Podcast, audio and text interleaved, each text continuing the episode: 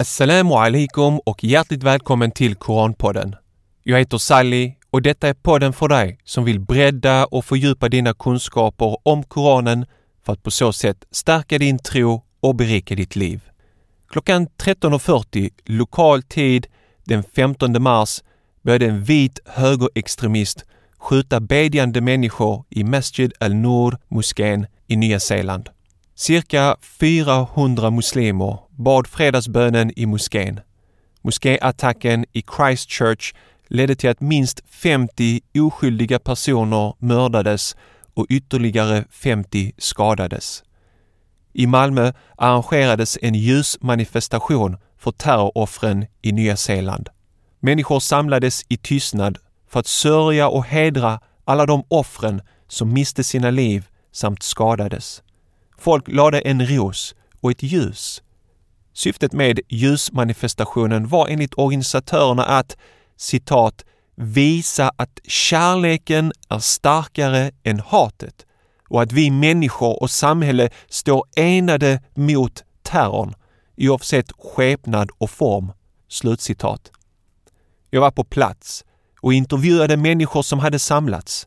Jag vill dock be om ursäkt för ljudet. Det blåste en hel del den dagen, men det var så många kloka ord och därför bestämde jag mig för att spela upp samtliga intervjuer från ljusmanifestationen.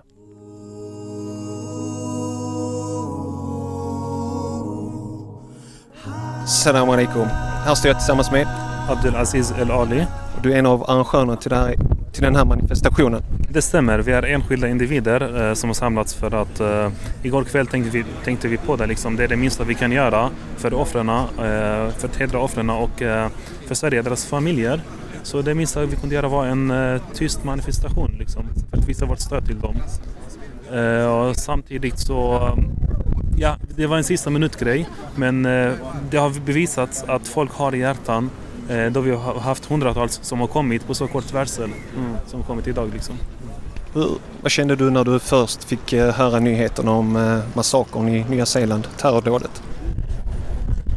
Alltså, jag, kan, jag vet inte om jag ska säga chockande. Alltså det är chockande på något sätt men samtidigt är det något som tyvärr man har väntat på att komma. Inte, inte väntat men för, eh, vi vet att det skulle komma och eh, samtidigt är det inte så långt bort härifrån eftersom att eh, tyvärr ser vi på sociala medier eh, folk från Sverige som stödjer dessa terroristerna och säger liksom ja, bort med alla muslimer. De, de hedrar den här personen, de ser att han är en hjälte. Så terrorismen är inte alls långt bort härifrån. Så vad, slutar det här eller hur ser du det framtida arbetet? Jag tror inte att det slutar här. Det är något som vi kommer leva med, tyvärr. Eh, terrorismen har varit väldigt länge, i flera hundra år faktiskt. Och eh, tyvärr kommer det fortsätta. Eh, därför är det viktigt att varje individ visar eh, vem vi är. Jag som muslim får visa vad min religion har lärt mig, eh, mitt bästa sätt. Eh, eftersom att jag tror inte det är någon religion som visar någon, eller hänvisar någon till att uppträda på något fel sätt eller omoraliskt sätt. Så det är väldigt viktigt att eh, folk lär känna oss, eh, tar verkligen reda på vem vi muslimer är för personer och vad vår religion eh, beordrar oss att göra och vara. Tusen tack. Tack för ditt engagemang. Tack så mycket Saleh. So I'm standing here with uh, Rebecca. You want to tell me a little bit about yourself? Yes, uh, my name is Rebecca Lillian. I'm a rabbi uh, with the Egalitarian Synagogue here in Malmö. I'm originally American. I've lived here uh, seven years. And you're here in this manifestation. What, what is your thoughts? My thoughts are that uh, the human, all of humanity really, I don't know what the answer is, but it's clear what the problem is, which is hate. Uh, hate against people of minority religious groups, hate of people of, I don't even want to say minority ethnic groups because in the world the white people are a minority um, and they're going around killing everybody. And so I think it's very important that we're gathered here just to say, to remember those who were killed and to say no to hate. How, how important is it that faith communities come together and not just talking, but maybe taking it a step further and working together? I think uh, working together, the faith communities working together, is the most important thing that we can do. Uh, it's very clear to me in the last year we've seen African Americans in church praying being killed, and Jews in synagogue praying being killed, and Muslims in the mosque praying and being killed. And I think the only response is to work together, not yes, it's important to come here in memory of those who the victims, but I think we have to build something positive that will help prevent this sort of thing in the future. I, I have no answers, but I know that working together with all faith groups together is the most important. I know that you have been working together with faith groups for many years. What is your biggest, uh, you know, uh, takeaway from that that you have learned? My biggest takeaway, I, I would say, it sounds a little bit uh, naive maybe, but I think we have more in common than we have different. And I think our differences, if we really looked at them uh, with open hearts, our differences are what makes humanity so beautiful like flowers. You know you can go into a garden and you see all kinds of flowers and they're all flowers but they're different. And i think it's like that about people. And i don't have to uh, I can respect you and all of my Muslim friends without becoming Muslim, and I hope you can respect me as a Jew without becoming Jewish. And and that's what I've learned. And I've also learned beautiful things from all the other religions that I wouldn't have learned had I stayed in my own bubble, because we all have something to teach each other. What is the next step after this incident, and maybe in the future it will happen? You know, um, what what can we do? I think the next step is to continue to gather and gather in a way where we can talk to each other and hear each other's stories. And that's what I'm uh, sort of working on right now um, with. Uh, hearing having different forums to hear each other's stories and to understand what gives life meaning to all of us because that's really what religion is and some people who are not religious who hate us for having a religion have their own beliefs and convictions and i think if we can all hear each other's stories and uh, work together to create spaces where that's possible. Um, we can at least try to make sure that such a horrible thing never happens here in Malmo. So that's I've been working with some Christian and Muslim and Buddhist uh, colleagues and friends to try to create those opportunities. Thank you so much for being here, and thank you so much for your work and continue your good work. Thank you for talking to me and listening. thank you. Och här står jag tillsammans med Momodou Malcolm Jallow. Och du jobbar med? Politik, riksdagsledamot. För Vänsterpartiet? För Vänsterpartiet, ja. Varför är du här idag? Jag är här eh, bland annat för att visa solidaritet eh, för familjerna eh, som förlorade sina älskade i den här tragiska terroristbrottet i New och eh, men också solidaritet till alla muslimer runt om i världen som idag um, upplever fruktansvärt rasismen, fruktansvärt islamofobi och hat och hot. Det är det som händer i västvärlden idag framförallt, den här äh, retoriken som vi har gentemot muslimer, det är just äh, anledningen varför just de här sakerna händer. Det finns en hatbild, en hatisk retorik som kommer från inte bara allmänheten utan från polit politiker, från makthavare på högsta nivån där man utmålar muslimer och islam som en av de värsta hotet för demokratin och västvärldens civilisation. Och det tycker jag är någonting som vi måste börja prata om. Vad har vi för ansvar? Eh, det vi säger, de orden vi använder för att beskriva en hel religion som är en av världens största religioner. Eh, vad har det för, för konsekvenser det vi säger? Det måste vi faktiskt rannsaka och diskutera och titta på och reflektera kring eh, på högsta nivå. Det är en del muslimer på sociala medier som har riktat kritik mot Stefan Löfven att när han har kommenterat det här terrordådet så har han inte alls nämnt islamofobi. Det gäller även andra riksdagspolitiker. Delar du den uppfattningen också? Ja, absolut, det gör jag. Ord är väldigt... Eh, vilka ord vi använder kan vara avgörande i många lägen. Eh, och det är väldigt viktigt att vi kallar saker för sina rätta namn. Eh, det är muslimer, det är islam som man har ju använt helt enkelt som ehm, fienden det är det som motiverar just den här människan, den här terroristens eh, handlingar och därför är det viktigt att man också använder ju rätta ord för att beskriva offren för den här terroristen. De är muslimer och det är deras religion, det är det som gjorde, som skapade det här hatet. Och det är viktigt att man kallar honom för terrorist för det första. Och det är viktigt att man kallar offren för muslimer. Och det har uh, Stefan Löfven inte gjort och det tycker jag är någonting, det är väldigt befogad kritik att man måste faktiskt kalla saker för sitt rätta namn. Du har ju det unika perspektivet och erfarenheten av att ha jobbat politiskt. Hur går vi vidare politiskt med det här? Ja, jag har ju det unika perspektivet att jobba politik, politiskt men också jag också är muslim själv. Så jag vet hur det är att leva som muslim i, i det här landet men också i västvärlden, i Europa. Um, det vi behöver göra, det är precis som jag nämnde tidigare, det är att det vi säger som politiker, det vi säger som makthavare, de reformer som vi har, den retoriken som vi använder, spelar roll i människors liv. Och då måste vi se till att vi börjar med att granska oss själva, sättet vi talar om islam, om religionen islam och muslimer som tillhör den här religionen. Att förstå att om vi verkligen menar att vi lever i ett demokratiskt land där man har religionfrihet, då kan vi inte ha, ha dubbla motstånd.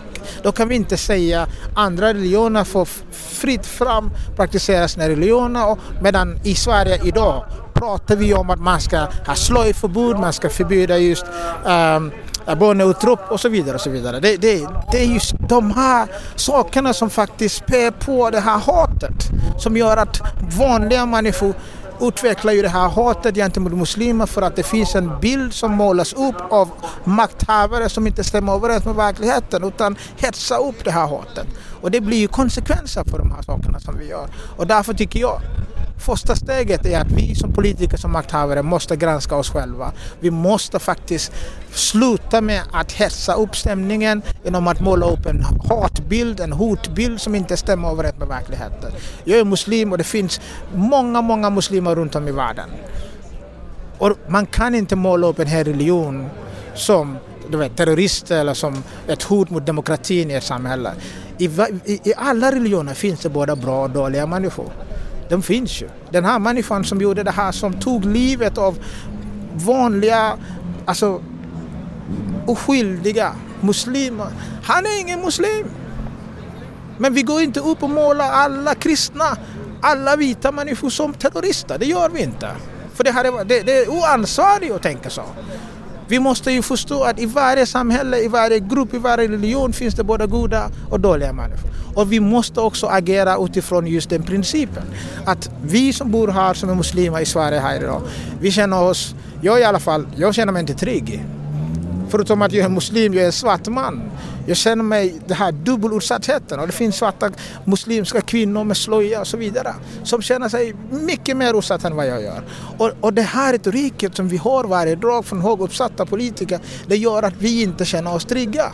Och det är viktigt att vi börjar där, att vi börjar prata om just vårt ansvar i hela den här diskussionen.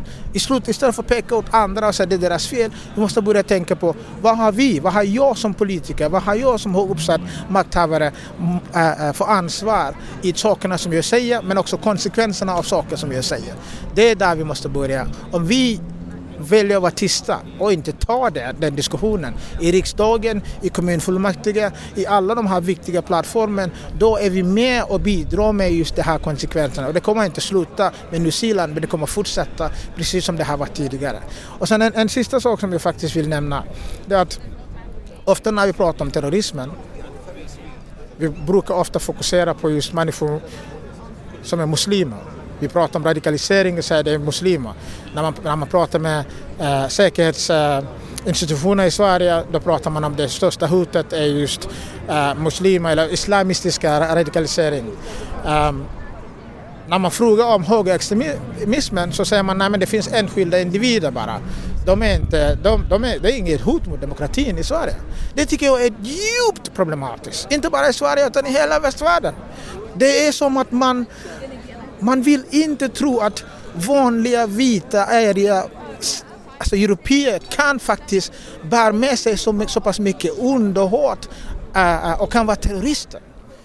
När vi pratar om terrorismen i maktens korridorer, vi utgår alltid ifrån att du måste vara IS-medlem eller du måste uh, komma från Mellanöstern. Du måste vara en invandrare, du måste vara muslim. Men de största terroristerna i västvärlden idag är inte muslimer. Anders Behran Breivik var inte muslim. Han, var, han är en vit man som tog livet av jag vet inte, nästan 70 personer och bombarderade en hel kvarter.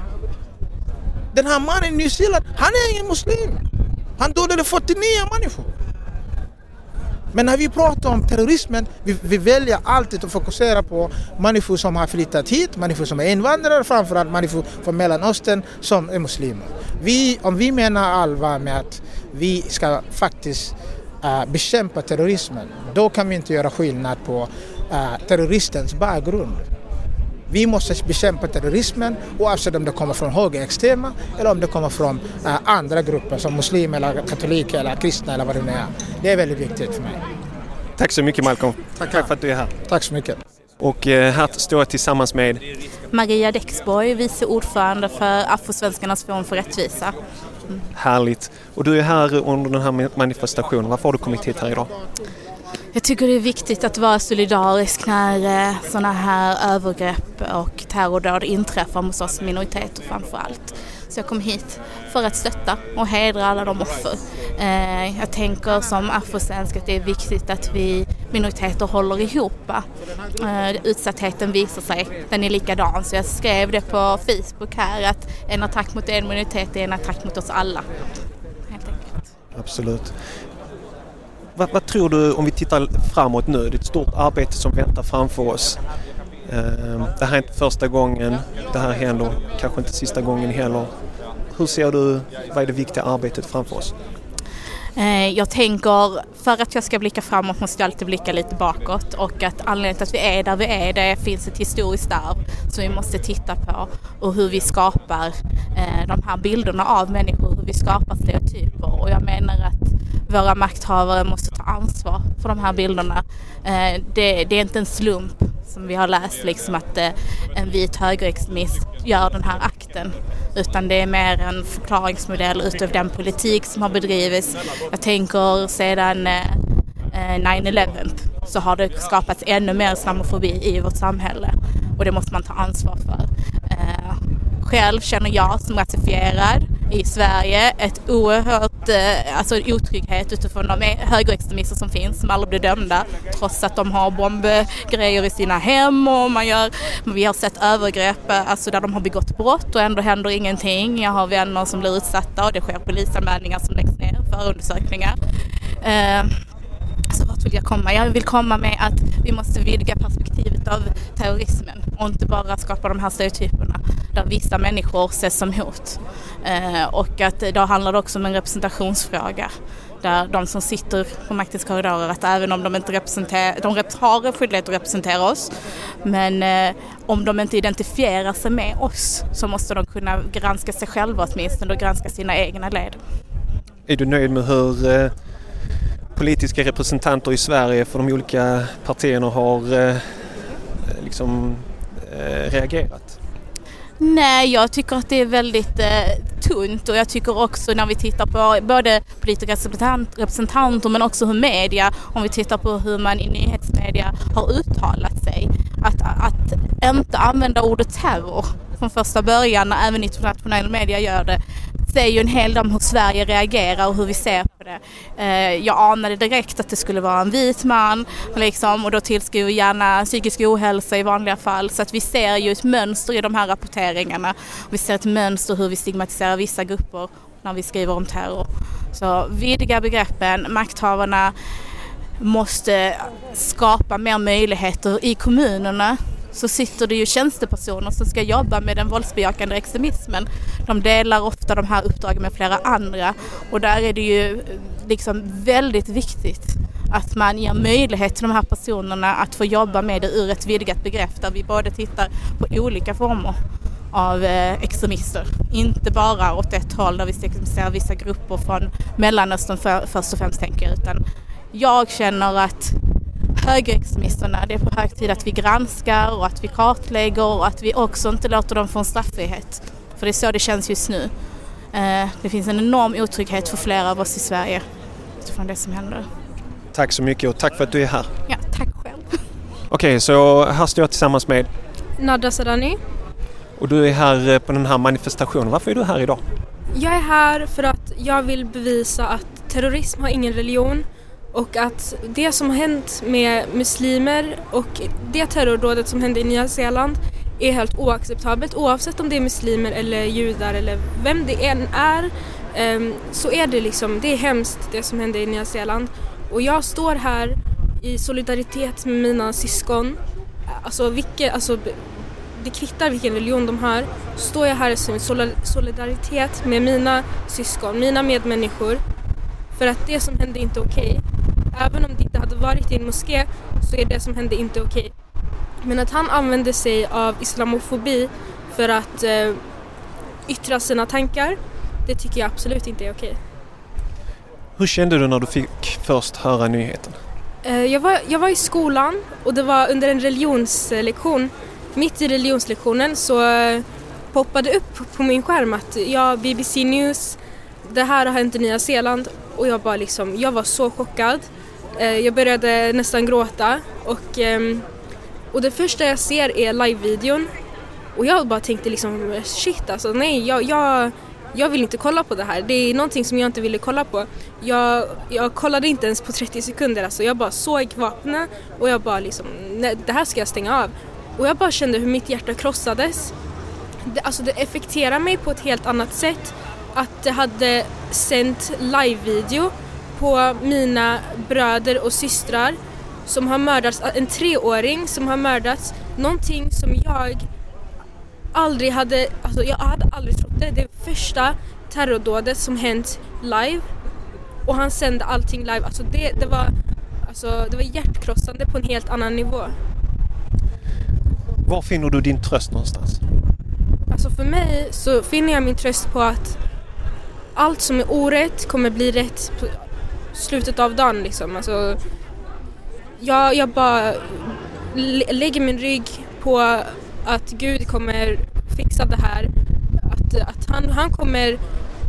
Alltså, han, han är väldigt rättvis och jag tror att om vi har tålamod så kommer detta funka, det kommer bli bra och som sagt um, under nyheterna i morse där jag läste så har ehm, massa, muslim, eh, massa människor gått till just den här moskén och blivit muslimer. De har konverterat till islam på grund av att de kände liksom men det här, det här är ju religion av frihet, religion av kärlek och då så tycker jag att jag, jag tror att Gud hade en plan bakom det här och jag tror att Gud har en plan bakom alltihop och vi vi bör bara vara tålamodiga.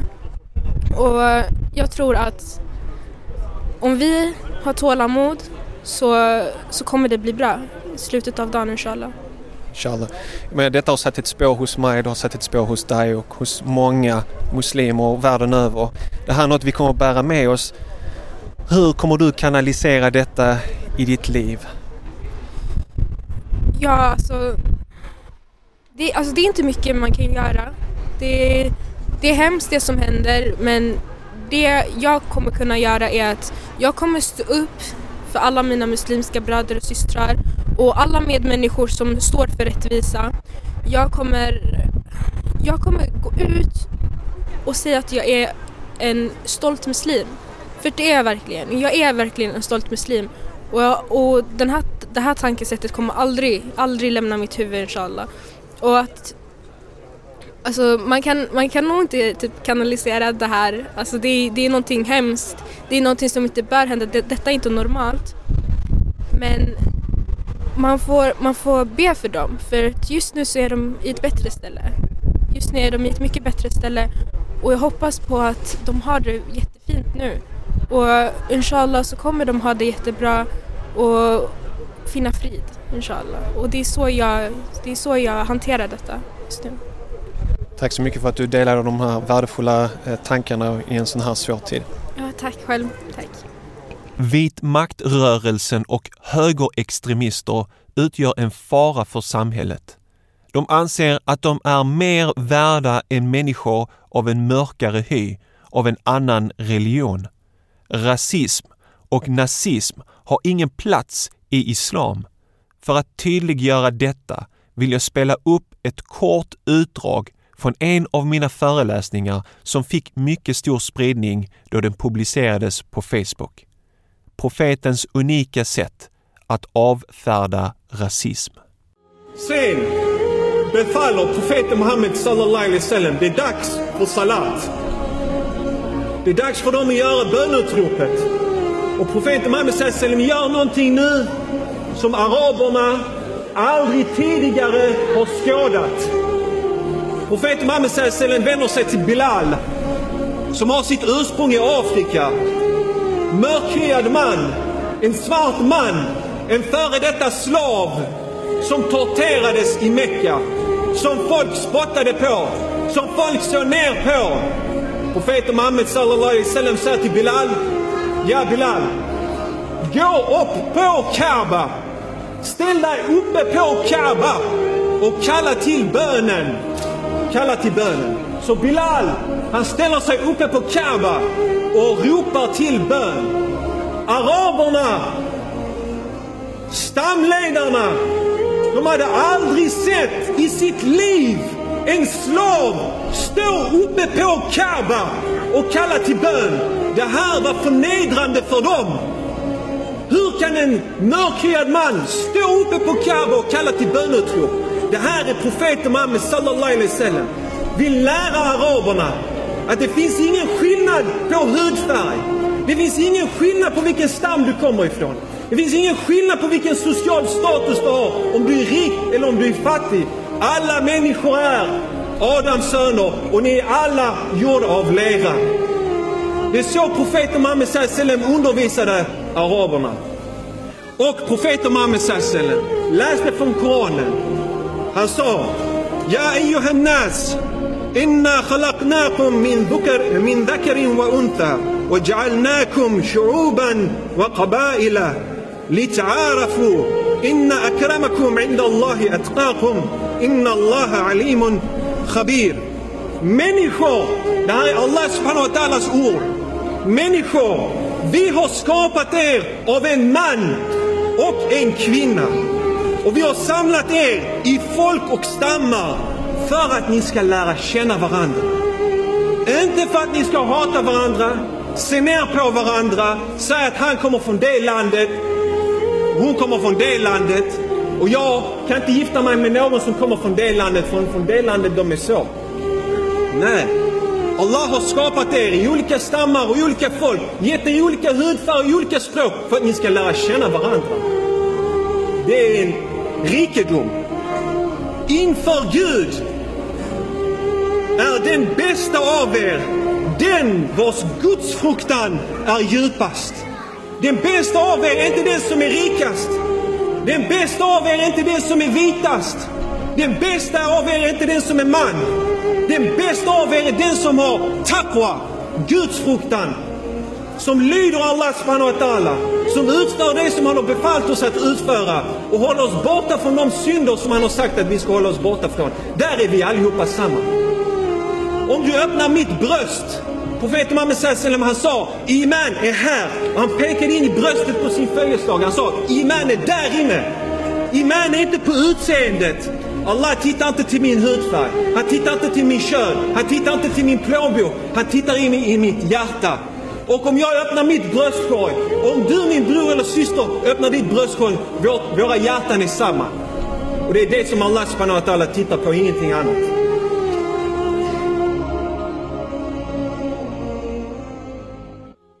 Denna podcast har gjorts möjlig och reklamfri med hjälp av alla våra underbara bidragsgivare.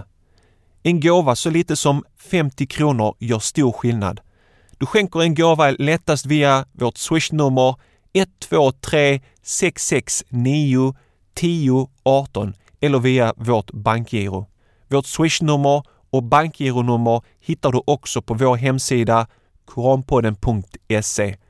Jag tackar på förhand och må Gud belöna dig för ditt bidrag. I nästa veckas avsnitt får du lyssna på mitt samtal tillsammans med ärkebiskopen Antje Jacklén. Ärkebiskopen är Svenska kyrkans främsta företrädare.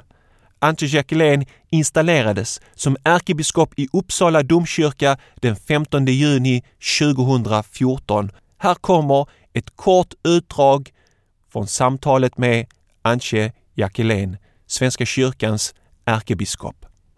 Store Gud, fjärran från allt som människor vill sätta vid hans sida. Och det påminner mig om eh, när Martin Luther, reformatorn, skrev Stora katekesen för att undervisa om kristen tro och då eh, förklaringen till första budet, att inte ha någon annan gud utan Gud, då har han också ett resonemang som ungefär så här, ja men Gud, egentligen har alla en Gud, för Gud är det som vi ytterst sätter vår tillit till.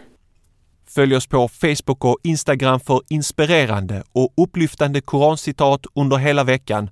Vill du komma i kontakt med mig så gör du det lättast genom att mejla mig på hej koranpodden.se.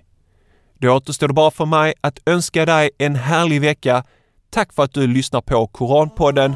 Vi hörs igen nästa vecka på måndag inshallah. Ta hand om dig. Salamu alaikum wa rahmatullahi wa barakatuh.